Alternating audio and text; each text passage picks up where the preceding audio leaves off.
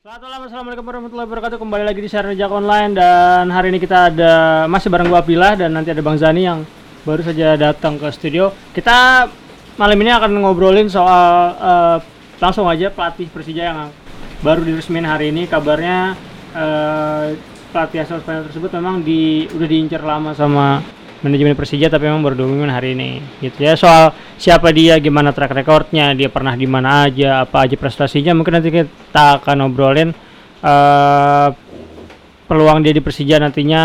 Terus juga ternyata ada isu ada ada kabar baru soal eh dari pengunduran Ivan Kolev eh, beberapa waktu lalu. Jadi pokoknya kita akan ngomongin soal pelatih satu ini selama dua jam ke depan eh, di siaran Jak Online. Untuk teman-teman yang mau gabung langsung aja ke chatroomnya eh, siaran ini di radio.jakonline.asia. Jadi bisa komentar, bisa kasih pertanyaan, sebisa mungkin nanti kami jawab dan lain sebagainya. Ya pokoknya eh semoga aja eh udah semoga aja belum closing. Ya pokoknya gitulah. Satu jam ke depan nanti kita akan ngomongin si pelatih satu ini. Oke, kembali lagi di siaran Jak Online. Ya. Masih dari home base-nya Jak Online di Lebak Indah 5 nomor eh 9. Lebak Bulus Jakarta Selatan. Terima kasih juga buat teman-teman yang udah mulai bergabung nih di siaran eh, Jak Online malam ini di chatting room udah mulai rame nih. Apa? Oke. Sebelum kita masuk ke bahasan juga, kita juga mau ngucapin itu juga selamat eh, Hari Raya Idul Fitri. Mhm. Minal aidin wal faizin, eh, mohon maaf lahir dan batin kalau misalnya selama kita berinteraksi, ber apa sosialisasi dengan teman-teman ada perkataan atau perbuatan yang kurang menyenangkan buat teman-teman. Iya, dan Gitu. ada bercandaan-bercandaan yang kadang nggak lucu ya. Betul, nggak lucu. Sih- kita sih nggak mikirin tersinggung apa nggak, nggak Nah. lucunya gitu. gitu. Dan juga bertepatan di lebaran hari ketiga ya. Kemarin 7 Juni 2016 eh 2019 eh, Jak Online tepat di usia 18 tahun. Alhamdulillah. Kita mengambil tema 18 plus karena kita eh, mengingat usia 18 tahun itu udah mulai 17 udah lewat gitu ya, udah 17 kan udah mulai cari-cari nih ya kan. 18 tuh malah udah mulai oh gimana nih gimana nih. Jadi udah mulai dewasa nih. Karena gitu. kebetulan orang-orangnya juga isinya 18 ke atas semua. Iya bener bener bener kebetulan ya Hmm. 18 ke atas juga jadi Itu eh tuh si Bungsu udah 18 lebih. eh, buat teman-teman boleh nanti kita akan bacain juga eh, ucapan ulang tahun buat eh, Jak Online nanti kita bacain chatting room boleh di Twitter boleh di Instagram boleh. Nah, nih si bungsu kita nih yang udah 18 tahun ke atas juga. Nah, lanjut ke bahasan pelatih. Siapa namanya Di? Susah ya. Julio Banuelos Saez. Benuales. Banyuelos. Benuales. Banyu, Ba- Banyuelos. Banyualos. Banyuelos. Banyualos. Karena ya. kan N itu ada kumisnya, bacanya kalau di Indonesia tuh Hmm. bacanya NY. Banyualos. Banyuelos. Oke. Kita mulai dari track record nih. Kalau track record, eh gue rasa sih sejak diumumin tadi siang, teman-teman juga udah pada nyari semua nih pelatih siapa, dulunya di mana dan apa aja. Memang eh kebanyakan kita tahunya mungkin Hmm. dia asisten pelatih timnas atau pernah di Leeds United. Betul. Karena mungkin dua dua dua tim ini yang familiar di Familiar. kuping, di, Hmm. di kuping teman-teman semua. Cuman Hmm. jauh sebelum itu dia udah sempat melatih tim-tim di Spanyol juga karena memang eh, basisnya di Spanyol, dia orang Ya. Spanyol, dia Hmm. memulai karirnya sebagai pemain di Spanyol, Real Madrid bahkan ya. Real Madrid. Junior ya kalau nggak Ya. salah. Ya, Real dan Madrid. ya dia, dia pokoknya memulai segala di Spanyol dan sempat melatih salah satu tim eh, runner up Liga Eropa tahun 2001 Siapa itu? Alaves. Oh, oke. Gitu. Kenapa gue tahu karena final lawan Liverpool. ya gitu jadi eh, ada beberapa klub selain Itu pas dilatih dia ada runner up Liga Eropa? Enggak, enggak. Oh, enggak. Gua kira pas dilatih dia jadi enggak, pokoknya dia pernah latih si Alaves lah. Hmm. Selain Oke. itu dia juga pernah di eh, apa? Diurutin aja boleh kali ya dia. Boleh, boleh, boleh. dari kalau yang muda-muda tuh kayaknya kita juga, nggak begitu tahu. Hmm. Lieda. Eh, ini kalau pelatih ya. Mulai dari pelatih dari 2001-2002 di Lieda eh, muda, Alaves muda di 2002-2005. Mhm. Lanjut 2005 sampai 2006 Alaves B naik ke senior di 2006 sampai 2008. Iya, dari Alaves dia pindah ke Mirandes, terus juga Sampai 2008 2010 ya. Iya, di 2011 dia ngelatih tim eh, Segunda Divisi B-nya Spanyol. Mhm. Ada Burgos Club de Football. Betul. Terus selanjutnya di 2013 dia juga sempat melatih eh, iya, Kolot. Tim, tim tim- tim Catalunya ini. Oh, oke. Tim Catalunya atau tangganya Barcelona. Hmm, hmm. Terus tahun 2014-16 dia ada kerjaan asisten Hmm. asisten pelatih di tim Siprus yaitu Aik Larnaka. Larnaca. Larnaca. Apoel juga Siprus juga. tahu ya? Larnaka, nggak tahu Larnasya. Iya. Apa? Eh, Apoel tuh sama Yunani. Kalau Apoel itu Siprus juga. Siprus juga keren gue Yunani. 2016 2017 kalau nggak salah tim utamanya juga nih Apoel. Iya, Ah, tapi asisten pelatihnya asisten kan. pelatih betul. Terus 2017 2017 2018 yang Baru seperti dia di Leeds tadi United. bilang tadi Leeds United sebagai asisten pelatih, 2018 melatih sebagai asisten pelatih di timnas Indonesia dan 2019 di Persija Jakarta. Eh, gimana menurut lu di? Sebenarnya kalau kalau kalau diumumin namanya Julio Bendomalos ini gua gua rasa teman-teman juga semua rasa masih baru ya. Hmm, Masih oh nih orang belum pernah melatih belum klub pernah mela- belum pernah ada di posisi sepak bola Indonesia gitu. sebagai pelatih. Sebagai pelatih. Ya, betul. Kepala. Hmm. Di, di di timnas kemarin pun sebagai asisten, pelatih. Betul. Gue rasa banyak yang luput kalau ternyata Julio pernah di asisten eh, pernah nanganin timnas gitu. Jadi Mhm. eh kalau dari track recordnya memang sih dari jam terbang dia udah pernah ngerasain gimana atmosfer sepak bola di benua biru gitu. Betul. Di di, di Eropa di- lah. Di tempat yang sampai saat ini jadi salah satu kiblat lah. Hmm, hmm, Kiblat untuk kompetisi yang eh, proper gitu. Jadi eh, seharusnya dia bisa semoga dia bisa menularin itu ke Persija gitu. Walaupun memang eh, tadi sore setelah latihan dia bilang nggak mau buru-buru, masih ada satu dua hal yang harus diperbaiki. Jadi intinya eh, semoga jadi bisa bantu dia pede sama Edu karena udah kenal sama Edu udah lama. Jadi eh, Edu itu siapa? Edu itu Eduardo Perez asisten pelatih Persija yang dibawa dari timnas Indonesia juga Betul. Jadi sepaket ya. sepaket. Ah. Dulu Edu sempat eh, ke ke sorry Uni Emirat Arab. Uni Emirat Arab. Menariknya eh, Edu itu sosok yang digantikan oleh si Yulio di timnas Indonesia. Iya itu. Ya. Ketika eh, Edu ditarik ke UEA, terus eh, Yulio masuk ke timnas Indonesia pada saat era Luis Milla Mhm. gitu. Dan sekarang posisinya berbalik, malah Mereka yang jadi pelatih kepala, Edu yang ditarik jadi asisten pelatih. Karena berarti eh, pelatih timnas juga udah bukan Luis Mia, Hmm. mungkin ada staff, ada tim baru sama kami butuh tim baru orang-orang baru ya mungkin ya dua orang ini yang pada akhirnya eh, secara peluang memungkinkan atau available untuk untuk ke Persija yaudah mereka akhirnya ke Persija. Nah, eh, posisi Mustaqim gimana di kalau tadi update-nya di Kalau tadi update sih memang Mustaqim masih ada di klub, Ah. masih ada di tim. Ah. Eh, karena sempat tadi ditanya ke Pak FP juga ke, ke Pak Ferry, si Julio sama Edu ini memang Tetap eh, butuh Mustaqim. s- Satu paket. Hmm, oh Jadi satu paket, oke. satu paket. Jadi enggak di, di, di, diusahakan tidak menabrak eh, batasannya yurisdiksinya Mustaqim. Oke. Sejauh ini, tapi Sejauh kalau ini ya. kalau memang nanti beberapa Nanti- pekan ke iya, depan betul. Mustaqim ada perubahan posisi kita belum belum tahu. Nah, per update per sore Per tadi, Tadi sore hmm, memang eh, Mustaqim masih ada di tim, hmm, eh, masih melatih. Claudia masih Claudio Antonio juga masih ada. Hmm. Terus juga ya Eduardo Perez dan si uh, Julio. Tapi sepanjang latihan kipernya udah nggak ada berarti ya?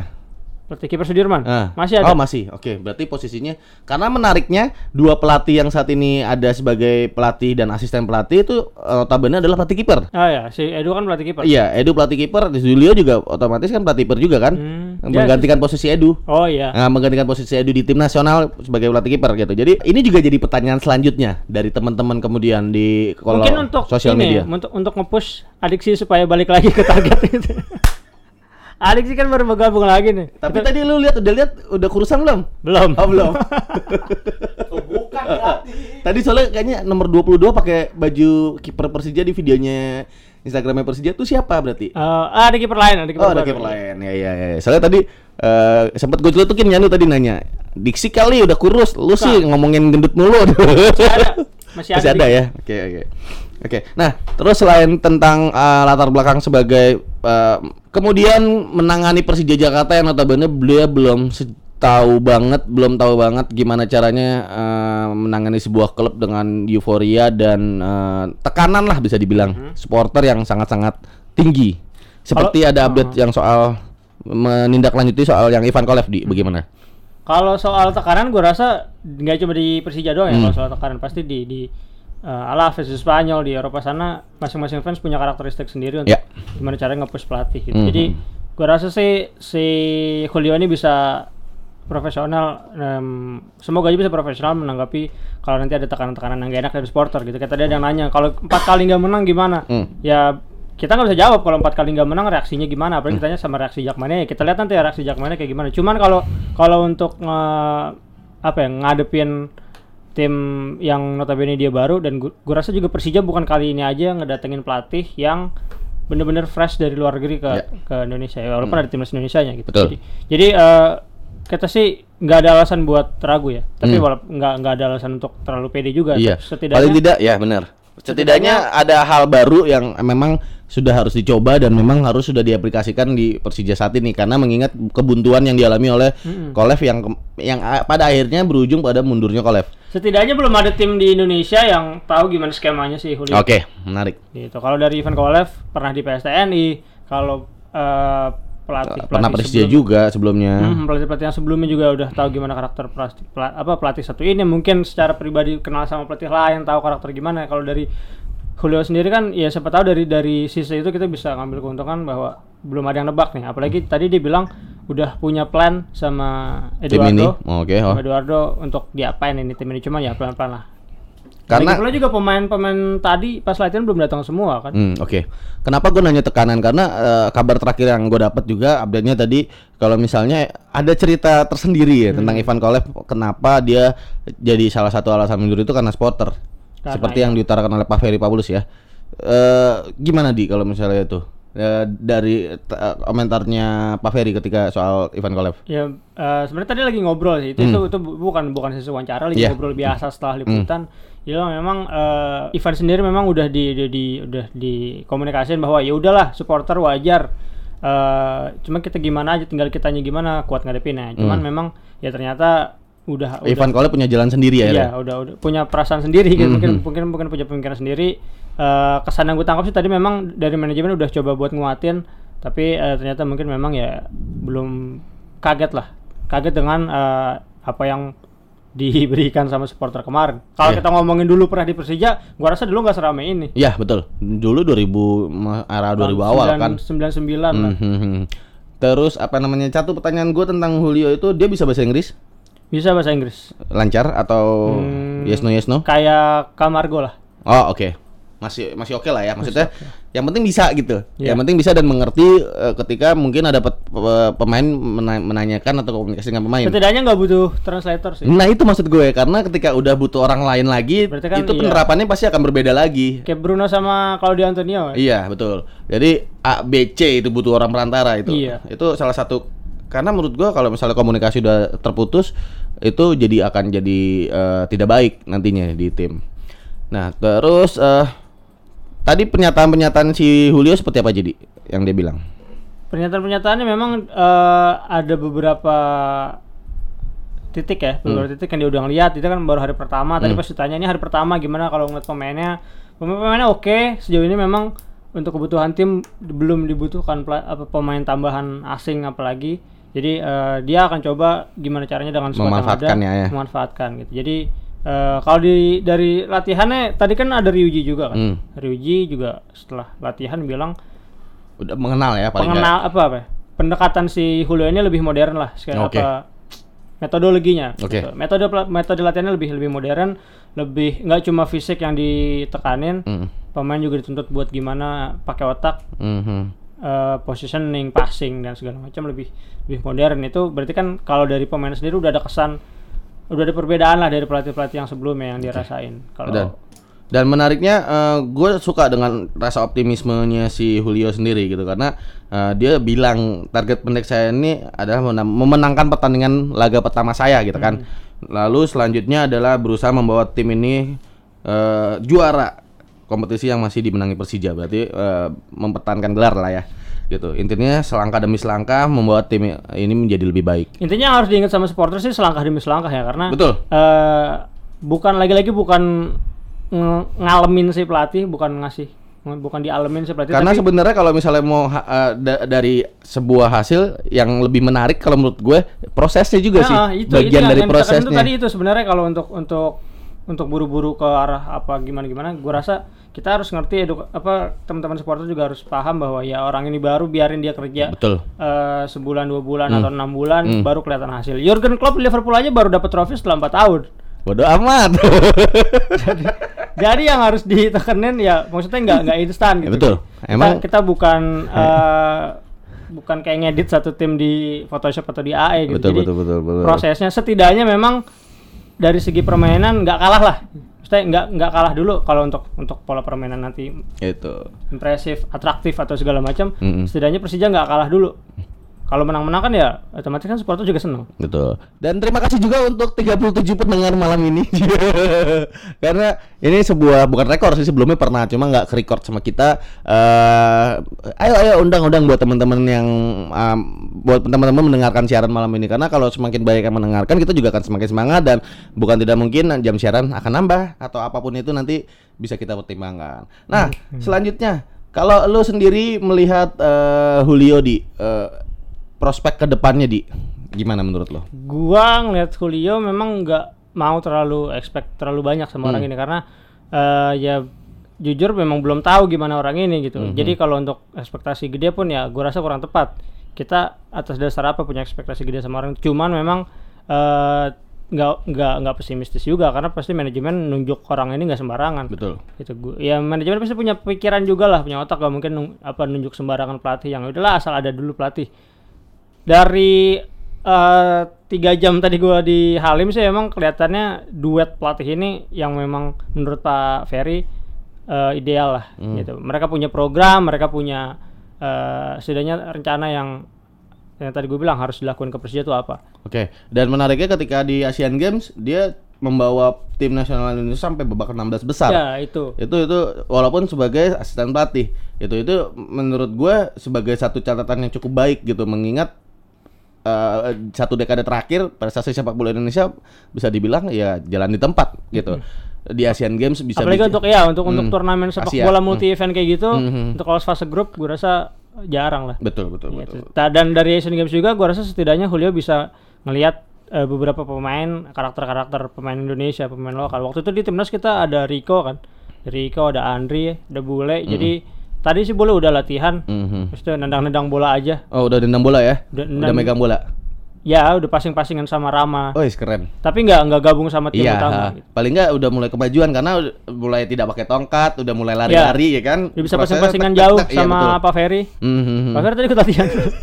passing-passingan jauh. Iya, iya, iya, iya. Jadi- Jadi eh, ya semoga aja Julio inget kalau dia pernah nanganin Bule, Andri Betul. sama Rico di timnas. Betul, betul, betul. Nah, ada pertanyaan nih, udah mulai banyak nih masuk lagi. Yakin juara lagi nggak nih dari Tambe?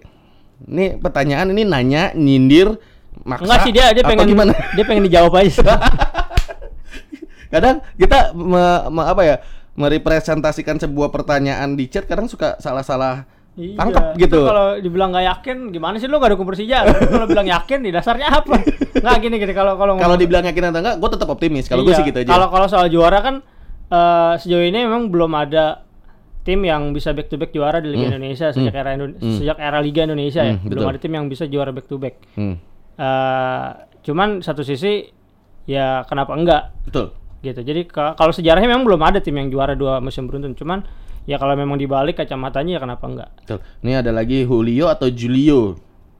Tulisannya Julio, bacanya Julio. Mhm. Gitu kali ya. Iya. Kalau dari umumnya kan Mardi. ejaan Spanyol J itu dibaca Julio. Kayak Mia, Mila jadi Mia kan? Iya, double L jadi ada Mia. Oke. Nah, terus pertanyaannya dari selanjutnya dari Haikal. Kira-kira gaya permainan Persija bakal sama nggak ya kayak er- timnas era Luis Milla? Timnas era Luis Mia enggak.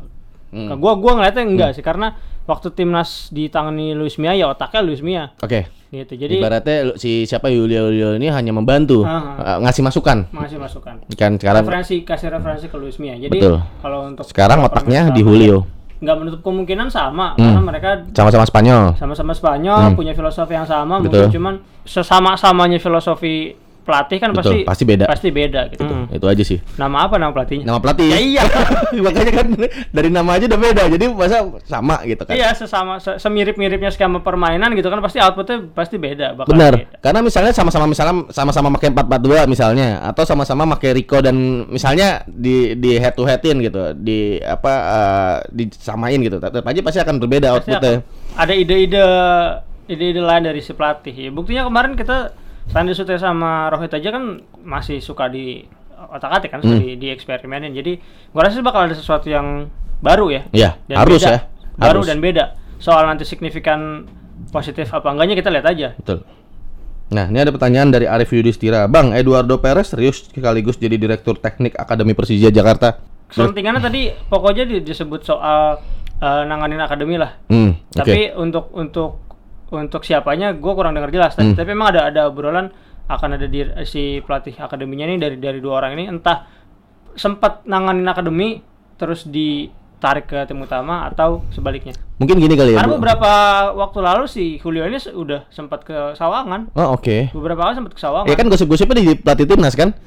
Sempet itu, itu gua nggak tahu. Itu itu sempet, gua nggak dengar. sempet dengar, sempet dengar gua sempet dengar kalau misalnya ya, bakal diplot jadi pelatih timnas U23 eh, kemudian Oh, iya. buat timnas U23 terus yang kemudian malah eh, mungkin arahnya ketika main di Sawangan itu juga kali Iya, ya. karena memang kalau untuk soal mungkin bisa jadi dia eh, ada ada arah untuk melatih tim akademi Persija. Nah, menarik sih sebenarnya karena kalau misalnya kita bicara tentang akademi Cuma sekarang ada di tim senior, Hmm. ya kayaknya harus fokusin ke senior. Betul. Ya, balik lagi ke soal ak- akademinya karena menarik nih.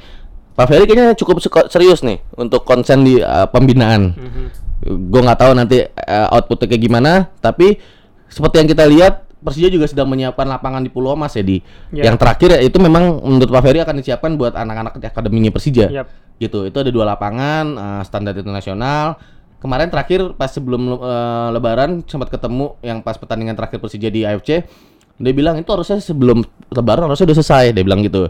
Cuma karena memang uh, mudik dan lain sebagainya akhirnya molor dan semoga setelah lebaran setelah lebaran kembali dikebut dan tidak la- tidak lama lagi akan bisa di ha- terlihat hasilnya dan bisa dinikmati oleh tim-tim akademi gitu mudah-mudahan juga akan ada cross check yang bagus dengan akademi dan ujungnya nanti ke outputnya buat Persija pastinya Iya, gitu. ya harusnya sih memang kita udah harus aware sama bibit-bibit dari tim sendiri gitu. Hmm. Gitu, eh, maksudnya ya tim-tim lain udah mulai ngelakuin itu. Kita udah ngeliat pemain-pemain muda di tim lain yang pada akhirnya ada di timnas. Hmm. Ya awalnya dari kepercayaan pelatih ngasih ngasih jam terbang ke pemain-pemain muda. Ya gue rasa Persija harus udah mulai dari sekarang. Oke. Ini ada selanjutnya Bang, prediksi skema formasi di bawah Julio. Aduh. Terus ada lagi pelatih ini lebih tegas dari pelatih sebelumnya kah? Dua pertanyaan dulu. Iya, skema skema gue gue orangnya bukan taktikal ya. Aku juga. nggak terlalu mendalami taktikal. Eh belum bisa jawab sih gue kalau itu. Kalau kalau untuk skema permainan. Karena juga si siapa namanya eh, apa namanya? Eh, tadi juga baru latihan pertama. Mhm. Kita juga belum bisa melihat kalau dibilang prediksi, eh iya repot juga sih kalau bilang prediksi. Prediksi berarti menurut kita gitu. Iya. Tapi sejauh ini kalau ngelihat dari teh nih ini gue ngayal aja ya ngarang bebas gue aja dalam artian cara-cara permainan Spanyol kan lebih ke tiki taka gitu Tadi misalnya. Ryuji bilang mirip-mirip Spanyol lah gitu. Iya. Kata Ryuji ya bukan kata gue. iya Pak, ya Ryuji yang bilang. lagi, lagi juga kan yang lebih ngerti itu bola pemain bola sendiri Iya. ya kan. Ry- ya seenggaknya tadi gue bilang dari pemainnya seenggaknya udah ngerasa ada penyegaran di di skema Oke. permainan tim. Hmm. Nah, kalau untuk eh, prediksi skema formasi gue nggak nggak berani ke arah situ. Mena- menariknya ketika kalau misalnya emang bener tiki taka dan sebagainya a- arah permainan cepat sayap kanan kiri dan kemudian langsung ada di tengah dan maju ke depan menariknya kalau misalnya Rezaldi sudah balik eh, di kanan Rico eh, bisa bermain dengan baik sama baiknya menurut gue itu akan sangat-sangat membantu si eh, siapa namanya Julio ini di tim gitu sih kalau menurut. Dan tiki takanya siapa? Tiki takanya Barcelona waktu itu kita harus ingat mereka nggak punya striker murni. Iya. Gitu. Sedangkan kita punya tiki ya. takanya mereka waktu itu ngorbanin seorang Ibrahimovic. Mhm, gitu. mhm. Mereka mereka lebih sering pakai Fabregas jadi false nine. Nah sekarang Sekarang pertanyaannya, iya benar. si Mick bisa nggak main tiki taka kayak gitu? Iya iya iya. Itu yang mungkin tadi di awal sempat lu bilang kalau misalnya bakal ada sesuatu yang baru. Mungkin sesuatu yang barunya. Jadi ya, dan ya tinggal kuat-kuatan aja lah. Jangan jadi kan bis- bisa jadi besok-besok nggak ada pemain yang dribble terus. Iya benar benar. Ada pemain yang diem doang di depan. Tadi gue sempat lihat juga di Instagramnya Persija play play play. Maksudnya mungkin jangan terlalu lama megang bola kali ya. Bisa. Iya seperti itu ya eh, kurang lebih lah eh, interpretasinya. Walaupun gue juga nggak ngerti banget banget sih. Tapi setidaknya eh, pelatih tuh mau bola tetap mengalir baik ke- sampai ujungnya ada di depan gawang dan bikin gol gitu sih Iya, kalau karena kalau dari eh, Pep Guardiola waktu itu pernah bilang sebenarnya Oh, iya, intinya lu benar. kuasain bola aja dulu. Mhm. Intinya lu bikin gimana musuh itu kepecah karena pergerakan bola lu. Oke menarik. Gitu. 15 menit pertama usahain bola gerak terus. Hmm, hmm, hmm. Kalau memang di di kalau memang bola itu gerak terus ke sana kemari ke sana kemari ya dengan sendirinya pertahanan lawan bakal cracking, bakal kebuka sendiri. Tapi otomatis juga eh, pola tiki taka atau bo- bo- bola bergerak terus segala macam itu pasti membutuhkan fisik yang sangat-sangat kuat. Itu dia fisik fisik yang stabil, fisik yang tidak mudah drop ketika udah menit 75 80. Berarti nggak cocok ya buat tim yang sering away. ya? kan tim kita away tuh capek mulu katanya Iya tuh. iya iya iya iya. Ya begitulah maksudnya itu harus juga diimbangi di dalam program yang di nantinya mungkin eh, akan diterapkan kan ini kan prediksi iya, gitu kan ini berarti kan hanya- itu bakal jadi tugas pelatih fisik dong. betul betul Sama nutritionist nutritionist yang ada di klub. betul betul selanjutnya adalah masih tentang Julio kita Julio. bahas eh, satu segmen lagi Julio Iglesias. eh tadi kita belum jawab soal pelatih ini lebih tegas atau enggak dari pelatih sebelumnya lu sendiri ngeliat eh, tadi belum sempet itu ya Tadi Nah, pas gue datang memang Sekilas. kebetulan yang lagi mimpin latihan itu si Edu Perez. Hmm. Nah Edu Perez kelihatan memang lebih bawel daripada eh Kolev dan Teco bahkan. Hmm. Dia dia lebih aktif turun ke tengah lapangan, lebih imbris para pemainnya, play play kick, kick dan dan Oke. sebagainya. Jadi eh kalau urusan tegas setidaknya eh, energi yang dikasih sama Edu Perez tuh lebih ada lebih dibandingkan positif juga lah ya. Iya, dan gue lihat memang dari dua pelatih sebelumnya, dua, tiga, bahkan empat pelatih sebelumnya, eh tadi Edi Paris itu yang paling semangat kasih arahan ke pemain sih. Jadi semoga aja memang benar-benar pemain eh jadi ikutan semangat, jadi ikutan ter- terpacu untuk untuk main bener, nggak nggak jadi justru males. Nah, tadi udah dijelasin soal udah dijelasin soal predik formasi. eh, ada yang nanya lagi. Nanti coba dengerin di eh, Spotify aja. Nanti kita jelas. Terus katanya mau ada pemain baru lagi. Nih, tadi mungkin belum jelas. Sejauh Kalau- ini, hmm, Sejauh ini, hmm, tadi kan gue nanya Hmm. masih Julio, dia bilang sejauh ini belum butuh belum butuh. Oke. Sejauh ini belum ada. Pemain asing belum sih. Yang ada eh, yang ada sekarang tuh eh Sudah gua rasa dari cukup. Oke. Nggak tahu dia ngomong itu beneran cukup, emang beneran cukup atau karena di sebelahnya ada Pak Ferry. tapi tapi ya Kalaupun emang bu- apa mau butuh pemain baru kan juga udah ditutup kan Jen. nah itu dia. Baru dibuka putaran Tapi kan eh mungkin tapi kan seenggaknya tadi gua gua gak tanya Hmm. eh sebenarnya udah dijawab dia. Ya dengan pemain yang ada sekarang eh oke lah gitu. Secara nggak langsung gue secara nggak langsung kan gue tanya pemain yang sekarang gimana menurut lo? Hmm, hmm. Dia bilang ya oke yang ada sekarang udah kita pakai aja lah. Ya seperti yang tadi gue udah bilang proses itu penting gitu hasil hasil mungkin memang penting tapi akan lebih baik lebih penting juga untuk bisa melihat sebuah proses sebuah perjalanan sebuah apa ya sebuah eh, sebuah sebuah apa ya namanya Dan prosesnya harus bener Hmm, gitu. Kalau kalau proses kalau udah eh, misalkan enam bulan atau enggak dia kan dikontrak sampai Desember doang Iya. kan satu musim gitu. Kalau udah sampai Desember nanti berarti tujuh tujuh bulan gitu. Kalau memang nggak ada perubahan berarti ya nanti pasti ada evaluasi dari manajemen. Cuman setidaknya kalau memang prosesnya itu benar ya otomatis eh, hasil yang akan didapetin juga benar gitu. Kayak Harusnya. nyusun Hmm. kayak nyusun apa ya skripsi sih. Mhm. oh iya benar dimulai dari Dimulai dari pengenalan niat niat banget oh, iya benar benar benar benar. ah, gue nggak perlu niat bisa skripsi gue iya maksudnya kalau kalau runutannya bener dari bab satu skripsi gue kan ada deadline harus lulus kampus lu sih kampus lu di mana sih Enggak, maksudnya kalau kalau dari bab 1, 2, 3, 4 sampai 5 nya itu bener, prosesnya bener, nggak ada yang lengkap, nggak ada yang diburu-buruin. Hmm. Ya kemungkinan besar juga- kan hasilnya juga diterima, lu Hmm. lulus gitu ya. Semoga aja dengan dengan proses yang ada sekarang eh, bisa disesuaikan dengan deadline-deadline yang ada untuk Persija gitu. Jadi kan jangan mentang-mentang kita butuh proses ya udahlah kasih aja ber- misalkan sampai akhir musim kalau memang nggak ada perubahan berarti ya udah namanya proses enggak juga. Tapi kan dengan time frame yang ada sekarang di punya Persija eh, otomatis si Julio itu juga mikir juga. Mhm. Kita harus ini, kita harus ini. Gitu. Ya se- seenggaknya dalam waktu eh, sampai Desember ini Persija nggak kalah-kalahan terus dulu deh. Mhm. Gitu. Itu tadi yang dibilang sama Pak Ferry. Seenggaknya nggak kalah-kalahan dulu terus. Intinya menang dulu aja terus. Ya, Gitu. Soal nanti eh, skema main bagus dan lain-lain bisa menyusul. Ya. Oke. Eh berarti udah. Pemain tadi belum banyak yang bergabung ya di berarti ya. Iya. Eh, Ada masih- yang masih di timnas, ada yang memang belum pulang. Oh, Oke. Nah, menariknya adalah ketika kemudian selesai dari lebar eh sorry, selesai dari Idul Fitri eh selesai dari leb- puasa Idul Fitri, Fitri. kemudian mulai latihan kembali. PR pertama adalah soal kebugaran. Mhm. PR kedua adalah soal fisik dan PR ketiga adalah soal berat badan. Itu jadi satu sih sebenarnya. jadi satu sebenarnya. Satu Tapi paket. tadi tadi di latihan tadi tuh ada Sandi Sute yang latihan sendiri.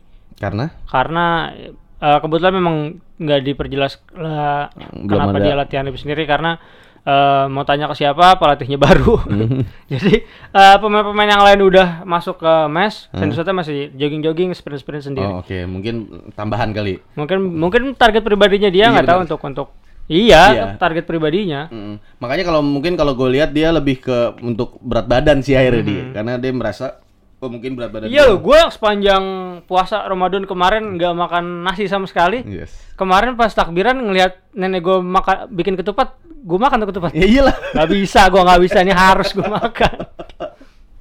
Nah, terus adalah kemudian eh yang pasti, oh ya, tadi kan kita udah sempat bahas soal bule. Ini menarik nih. Iya. Eh, Rizal di Bule Indonesia udah mulai main bola, latihan dengan bola. Udah ada progres lah, Hmm. udah ada, udah bisa turun ke rumput, pakai sepatu, pakai seragam lengkap dan latihan pakai bola tendang-tendangan. Hmm. Jadi maksudnya nggak cuma Lari-lari eh, biasa lari-lari gitu ya? biasa Hmm, atau jogging-jogging, stretching hmm, stretchingan di jogging-jogging, ya. diawasin sama eh, dokter dan sebagainya. hmm. Tadi sih udah eh, pas di Halim itu emang udah udah latihan pakai bola sendiri. Tadi gue Hmm. bilang pasang-pasangan sama Pak Ferry. Iya, siap. Berarti mudah-mudahan sebulan dua bulan ke depan ya udah mulai ada lebih-lebih progres dari Sebulan dua bulan ke depan berarti itu baru sampai titik nol ya? Iya. Belum sampai 100. Betul. Itu yang baru- yang pasti eh, untuk jadi di- eh, yang penting udah di titik normal dulu. Mhm. Ketika ada normal tinggal gimana dia kembali di posisi Itu. naik lagi atau malah tetap ada di situ. Iya, berarti kan sekarang posisinya memang belum belum 5, belum 12, belum 20 masih minus gitu. Mm-mm, masih minus. Kalau waktu itu beberapa waktu lalu juga dok dokter lu bilang beberapa bulan lagi itu tuh cuma ada di kondisi siap untuk diapa-apain gitu. Jadi ya benar masih di titik nol. Mhm. Kalau pemain-pemain hmm, belum ada keluhan sejauh ini. Maksudnya belum belum kayak dokter gue sih ya. Belum keluhan. ya pemain-pemain masih oke, masih belum lengkap. Ada beberapa yang eh, udah datang, ada beberapa yang belum. Cuma kalau dari satu sampel tadi diambil Ryuji setelah latihan memang ya dengan pelatihnya sekarang nggak ada masalah. Oke. Jadi eh, skemanya dia suka, dia di- pemain dituntut lebih kreatif, lebih eh, bisa menggunakan intelijensi di atas lapangan. Ya semoga aja memang eh, hasil yang nanti dia didapat di lapangan nggak tidak se sebesar ekspektasi yang sekarang gitu. Lo lo sendiri gimana di eh, ngelihat eh, semua progres-progres yang terjadi setelah kita mendapatkan hasil minor di Ramadan tahun ini? Gue belum ngelihat progresnya karena Hmm. eh, pelatih yang lama dipecat, jadi kita belum sempat ngelihat progres dia setelah tiga kekalahan itu dan pelatih yang sekarang pun eh, memang belum belum ada yang bisa dilihat dari pelatih yang sekarang itu cuma Karena eh, maksudnya dilihat dari cuma, latihan pertandingan. ah cuma cuma beberapa beberapa jam tadi dilihat setidaknya dari statementnya Pak Ferry dari statementnya Julio sendiri dari statementnya Ryuji eh secara psikologis memang tim nggak ada masalah Oke. dari statement yang keluar ya Mhm. entah di, itu bukan bukan itu itu tuh hal lain lah untuk entah dikip di dalam atau sebagainya Hmm. tapi seenggaknya dari statement yang keluar eh, tim memang masih ada di jalur yang jalur fokus yang sama seperti musim seperti di awal musim ada target-target tertentu yang masih bisa masih diincar sampai sekarang. Ya terutama dari yang tadi gue bilang soal optimismenya pelatih karena itu sangat-sangat baik buat kondisi tim sih kalau menurut gue karena biar gimana pun op- rasa optimisme itu perlu dipupuk perlu di eh, apa ya tumbuhkan terus di dalam tim. Karena kalau misalnya dari arma dari nakodanya sendiri sudah mulai Iya. optimis pasti armada-armada di belakangnya juga pasti akan oh oke pelatih gue punya target ini. Gue juga harus bisa nyampe target Iya. ini gitu. Kapal bisa ngelautin badai kan gimana nahkodanya? Betul. Dan eh, nge- gue sih optimisnya lebih ke eh, ini tanpa meminggirkan sosok Julio sebagai pelatih kepala ya. Hmm. ada Eduardo Perez di situ kita udah lihat lah apa yang dilakukan Eduardo Perez sama Luis Mia ke timnas. Ya. Gitu. Seenggaknya eh, dari kehadiran dia di tim sekarang di Persija itu ada DNA DNA eh, timnas era Luis Mia Ya, bisa dibilang bule juga salah satu bibit yang berkembang di era Luis Milla. di timnas Di ya kan timnas, iya nah. dengan dengan adanya Edu sebagai asisten Betul, betul. gitu jadi maksud gua eh, gua lebih optimistis ngeliat wah ada orang ini nih Mhm. ya semoga aja dia memang beneran bisa kasih eh, input yang bagus ke tim Oke. jadi eh, kita udah ngeliat lah hasilnya kerja Eduardo Perez di timnas kemarin sama Luis Mia gimana Terus isu setelah lebaran kalau pemain naik berat badan bakal kena denda, bener nggak sih bang? Bener. Ben- bisa iya ya, karena dari musim lalu juga udah diterapin Iya, kayak gini kan Hampir tiap tahun diterapin. Itu bukan sekedar punishment tapi sebagai motivasi. Iya, dan pemain juga dituntut untuk lebih bertanggung jawab ketika liburan Betul. Ramadan gitu. Karena mereka pemain profesional. Dan satu sisi mereka eh seorang putra daerah yang nggak kuat kalau ngeliat makanan daerahnya masing-masing. Itu dia. ada ada ada ada aspek itu yang harus kita perhatiin.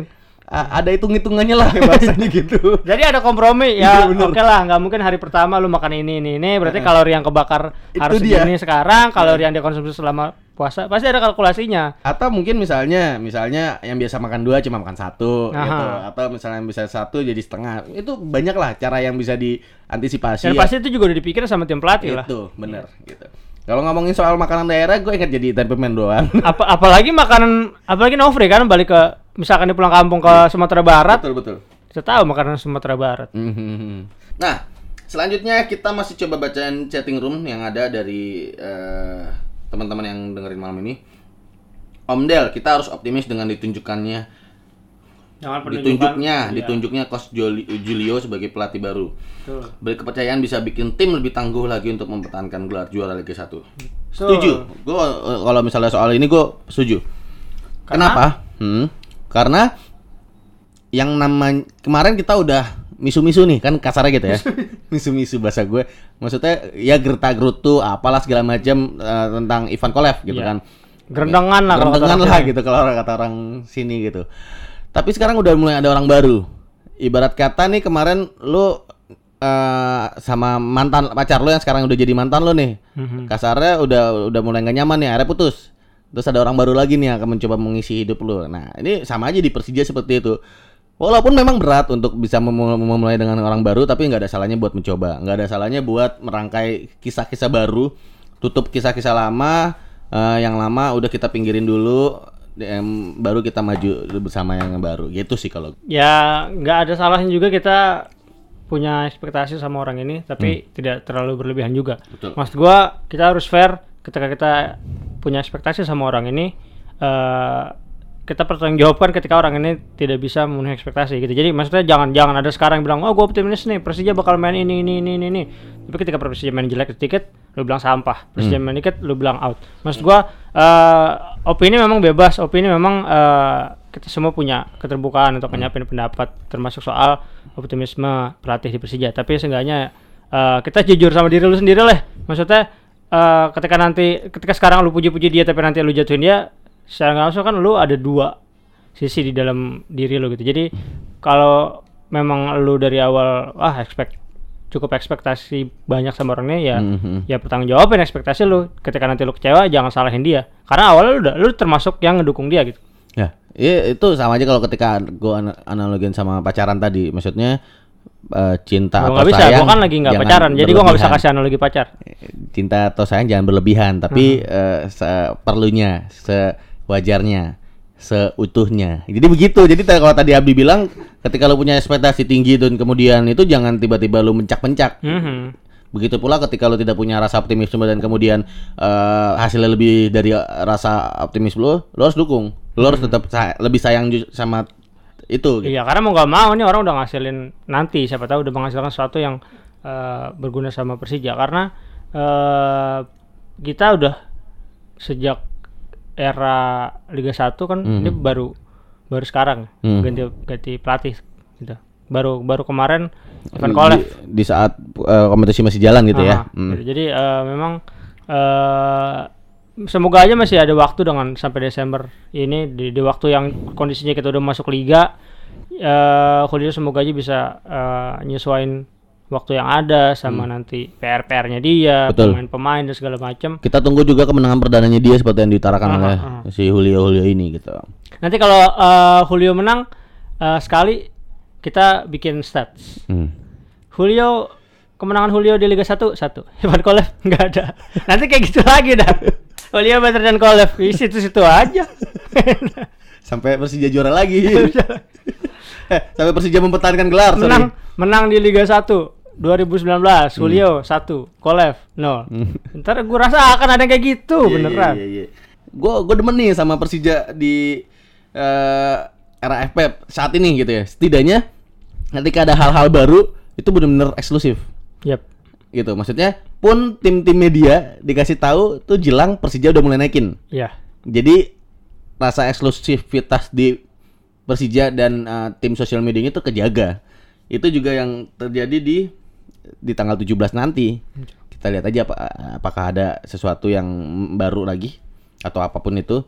Karena kalau misalnya gue sempet kita hanya mendengar rumor-rumor yang terjadi ya belakangan karena rumornya bakal dikenal di tanggal 9, mulai nanti tanggal 9 enggak taunya tanggal 8 udah dirilis. Malah kemarin rumornya eh, pelatih Persija bukan ini, Mm-mm. bukan Julio. Mm-mm. Sempat ada nama eh, Orang Itali.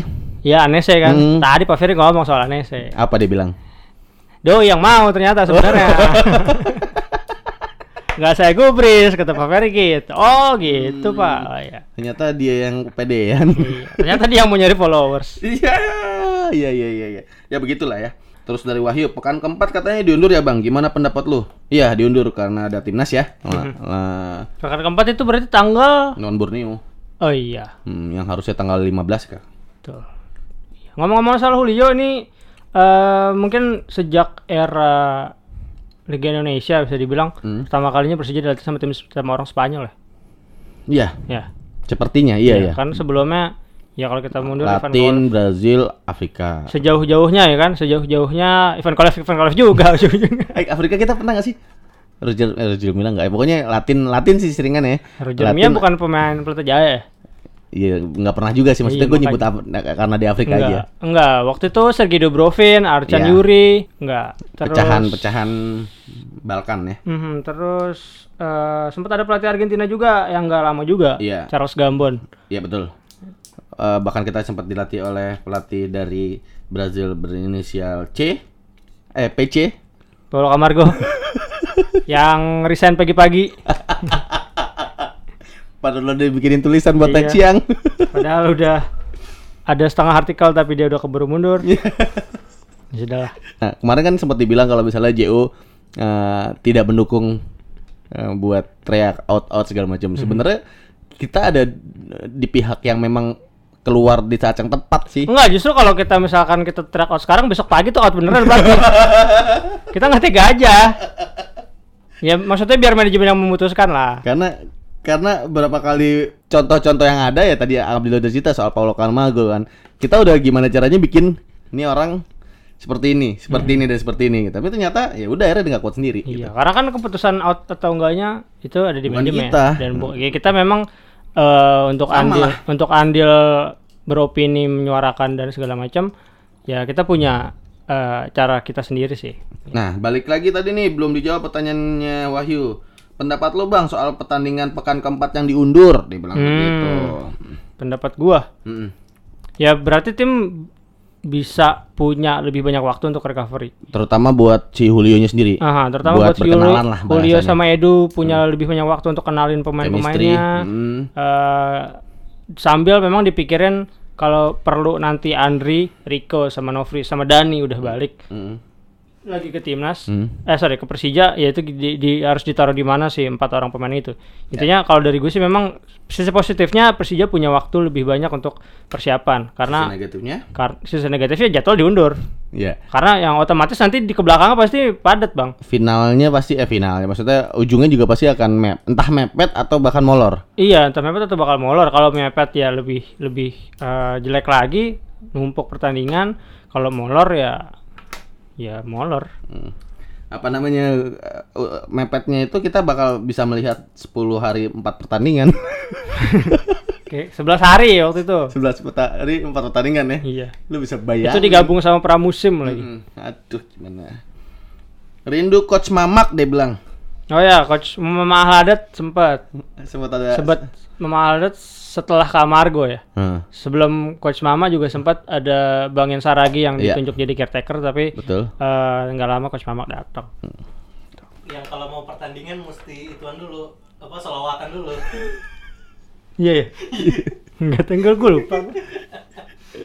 Nah, kemudian apa namanya eh ketika kita ada pergantian pelatih itu menjadi sebuah apa ya PR tersendiri di dalam kondisi tim. Hmm.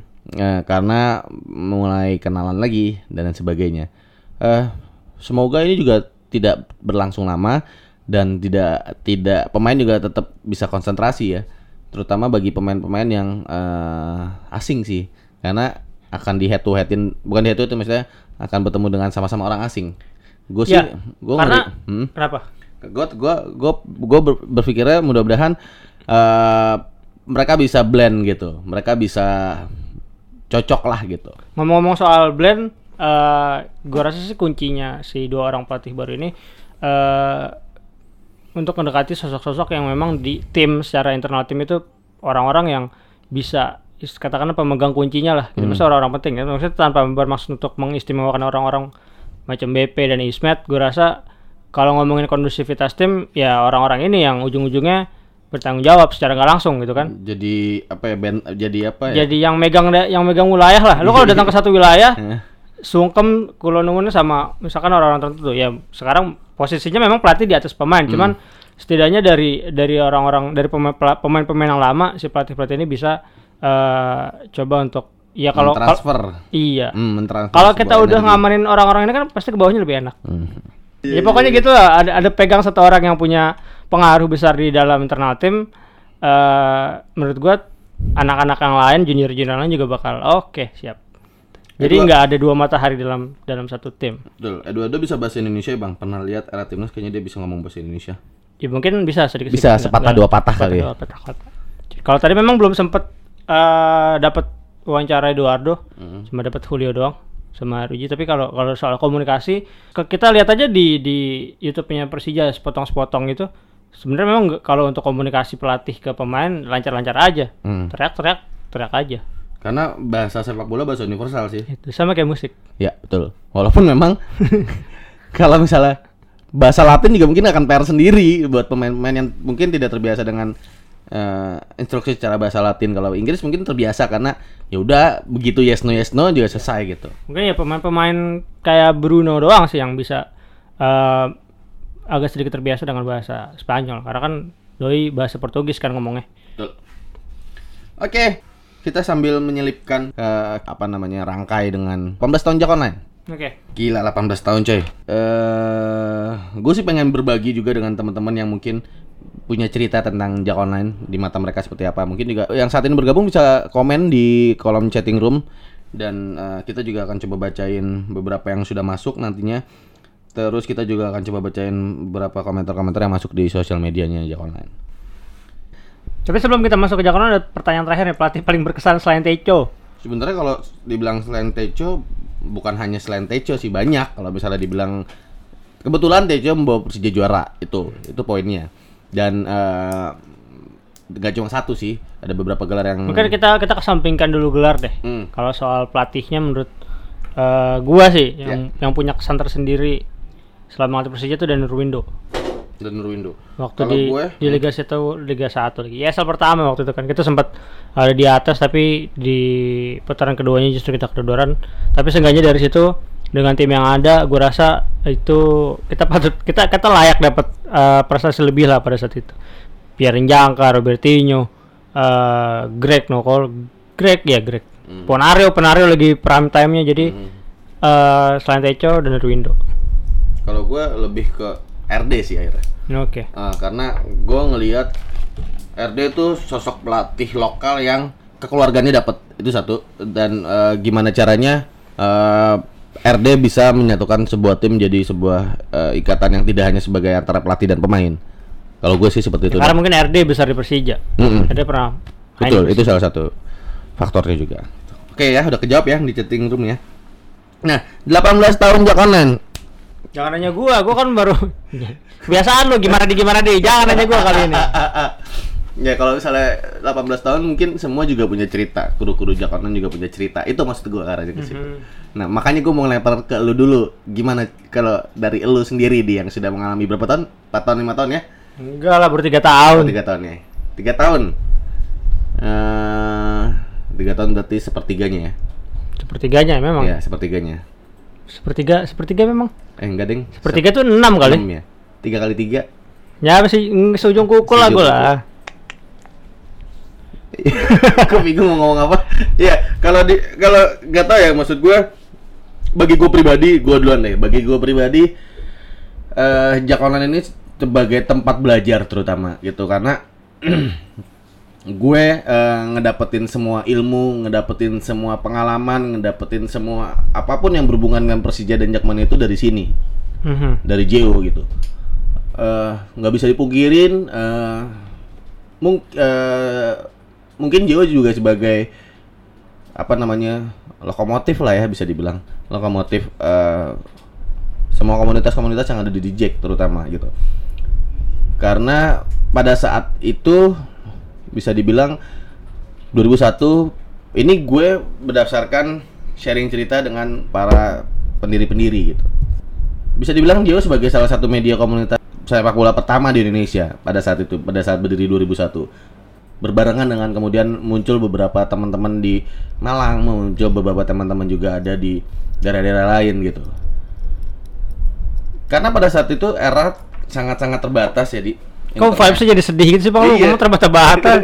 gue ngomongnya langsung jadi terharu biru sih ya terharu biru karena eh, bagi- Biru banget. biru-biru banget Lagian. masa mau terharu oren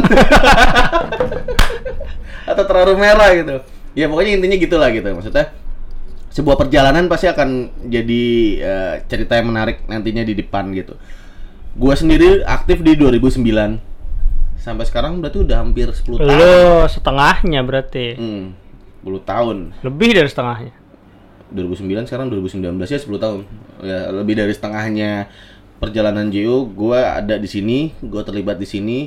Bahkan di saat uh, fase-fasenya JO apa ya bisa dibilang dari yang abang-abangan sampai yang ke muda itu gue ada di fase tersebut juga pada saat itu gitu. Kalau gue sih dari kacamata teman-teman mungkin ngeliatnya kita jadi salah satu yang dipantau ya maksudnya hmm. salah satu referensi lah gitu. Maksudnya sebagai orang yang tergabung di dalamnya eh, nggak serta merta terlena dengan privilege yang gue dapat gitu. Maksudnya di sisi lain ada beban berat juga yang harus Iya. dipikul gitu. Jadi nggak nggak sembarang. Mungkin ada yang beberapa input masuk ke gue lu kan enak di jauh lu kan enak dapat ina ini ya gue mencoba untuk tidak jadi that bastard one gitu. Iya, kita betul. gue tidak mencoba gue mencoba untuk tidak menjadi eh, bastard macam itu. Hmm. tapi setidaknya justru ya ada ada beban yang harus gue pikul gitu. Betul, ada betul, tanggung jawab yang harus gue pikul Iya, ketika gue berada di tengah-tengah eh, organisasi. Intinya itu sih. Cuman eh, ya satu sisi gue berterima kasih kepada teman-teman yang oh berarti memang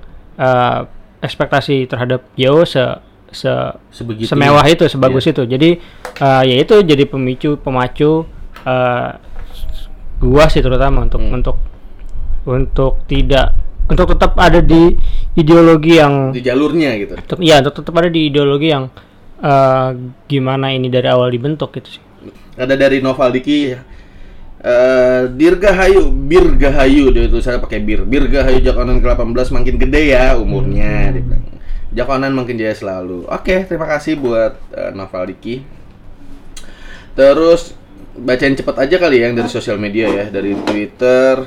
Ya dari Twitter ada dari Rahman Sidik ada John Rahmat ada dari Yael Acil mereka komen hal yang sama Enggak sih. Dirgahayu Jak Online dari Zau Z- eh, Rahmat Sidik dari Johan Rahmat selamat ulang tahun semoga bisa terus memberikan informasi bagi kami di Jackmania.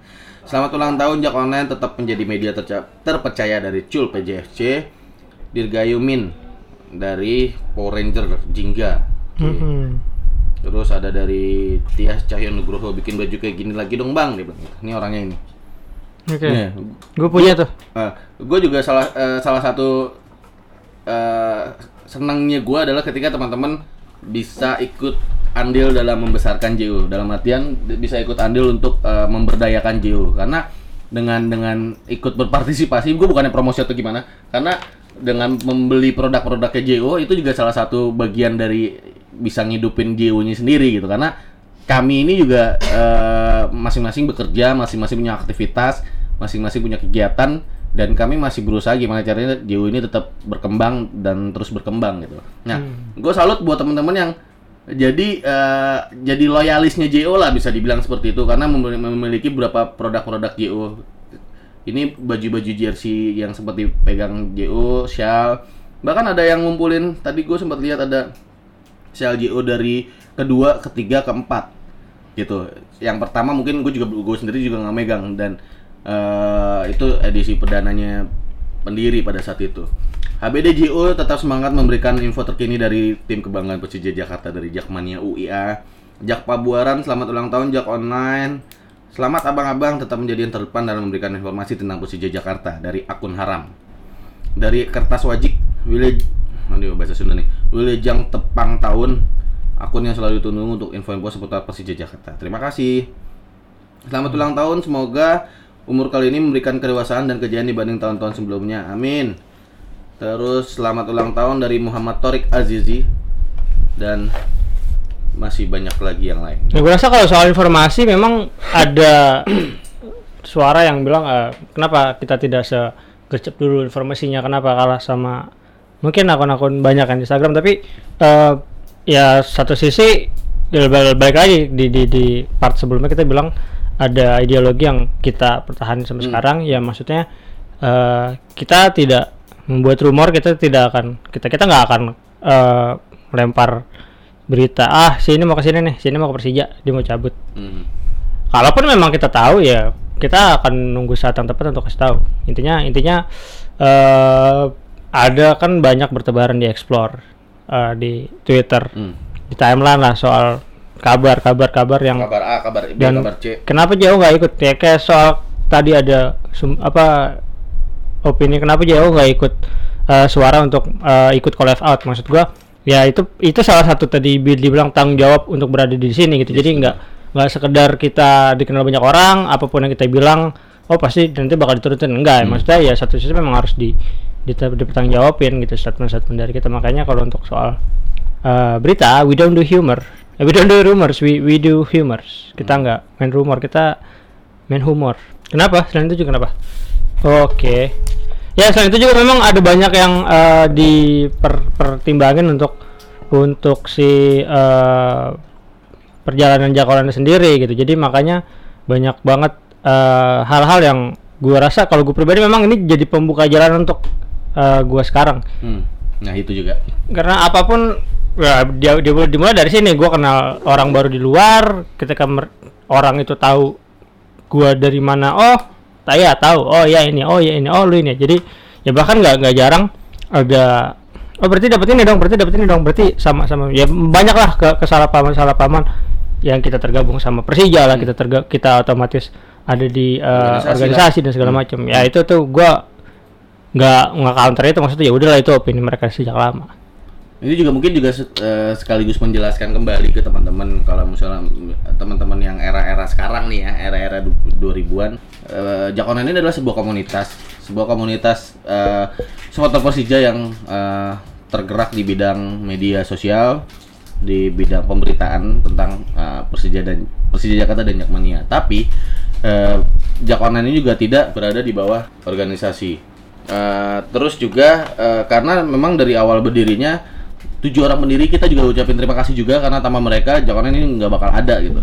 Kita masih terus akan insya Allah akan terus eh, bersama teman-teman lah bersama teman-teman mendukung Persija Jakarta. Pasti Ya makanya eh ya s- di postingan terbaru Instagram ya sorry di postingan Instagram Jawa ulang tahun kan adminnya bilang tuh Hmm. semoga tetap ada di jalurnya ya Hmm. kita doain aja semoga doa admin di caption itu terpenuhi. Iya iya iya. iya. siapa sih adminnya Gak tahu.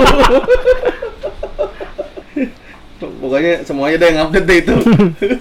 Iya iya iya. Ya gitu gitu. Dan eh datang dan pergi eh, hal biasa ya gitu. Mhm. Eh, proses regenerasi pasti akan terus berjalan gitu. Dan semoga ya nanti juga akan terus ada di 18 tahun, 18 tahun, 18 tahun kemudian ya. Cuma memang saat ini di usia 18 memang sebuah pencapaian yang ya sudah di sudah dibilang bisa dibilang sudah cukup baik lah untuk eh, sebuah komunitas dengan eh, basis ekonomi mandiri kalau bahasanya Bang Said seperti itu. iya Oke. Udah ya? udah hujan lagi jadi kita nggak beli nggak jadi beli nasi goreng Tenang, ada ada bos Jerry yang jalan ntar. Kita jadi rame-rame. Jerry manusia ikan Iya. udah bukan Denny lagi manusia ikan ya udah, itu aja dulu kali ya siaran Ya. malam ini ya. Mm-mm. Eh, review. Tadi kita udah bahas apa aja bilang. Ya intinya sebag- sebagian besar topik malam ini kita ngomongin soal pelatih Julio Bañuelos Sais yang baru datang ke Persija. Hmm. Eh, selamat datang Julio di Persija. Semoga bisa bekerja dengan baik, eh, fokus terhadap target-target yang udah disepakati sama manajemen. Hmm. Eh, kalau memang ada satu dua suara sumbang kritik biarin aja. Hmm. Eh, stick to the plan. eh, apa yang harus dilakukan sama Persija berdasarkan ya tadi perjanjian Hmm. eh, sama manajemen. Jadi semoga bisa jadi salah satu pelatih yang akan dikenang dalam jangka waktu yang lama. Yang Yes. artinya harus ada prestasi yang lu datengin buat tim. Betul, setuju. Selamat bekerja deh intinya Iya, buat intinya si selamat bekerja Julio. Oke, terima kasih buat teman-teman yang udah dengerin siaran malam ini. Eh, sampai ketemu lagi di siaran minggu depan. Karena kita akan tetap ada di Spotify eh, ke depannya. Jadi Hmm. eh, tetap pantau terus. Eh, Assalamualaikum warahmatullahi wabarakatuh. Jack. Mania.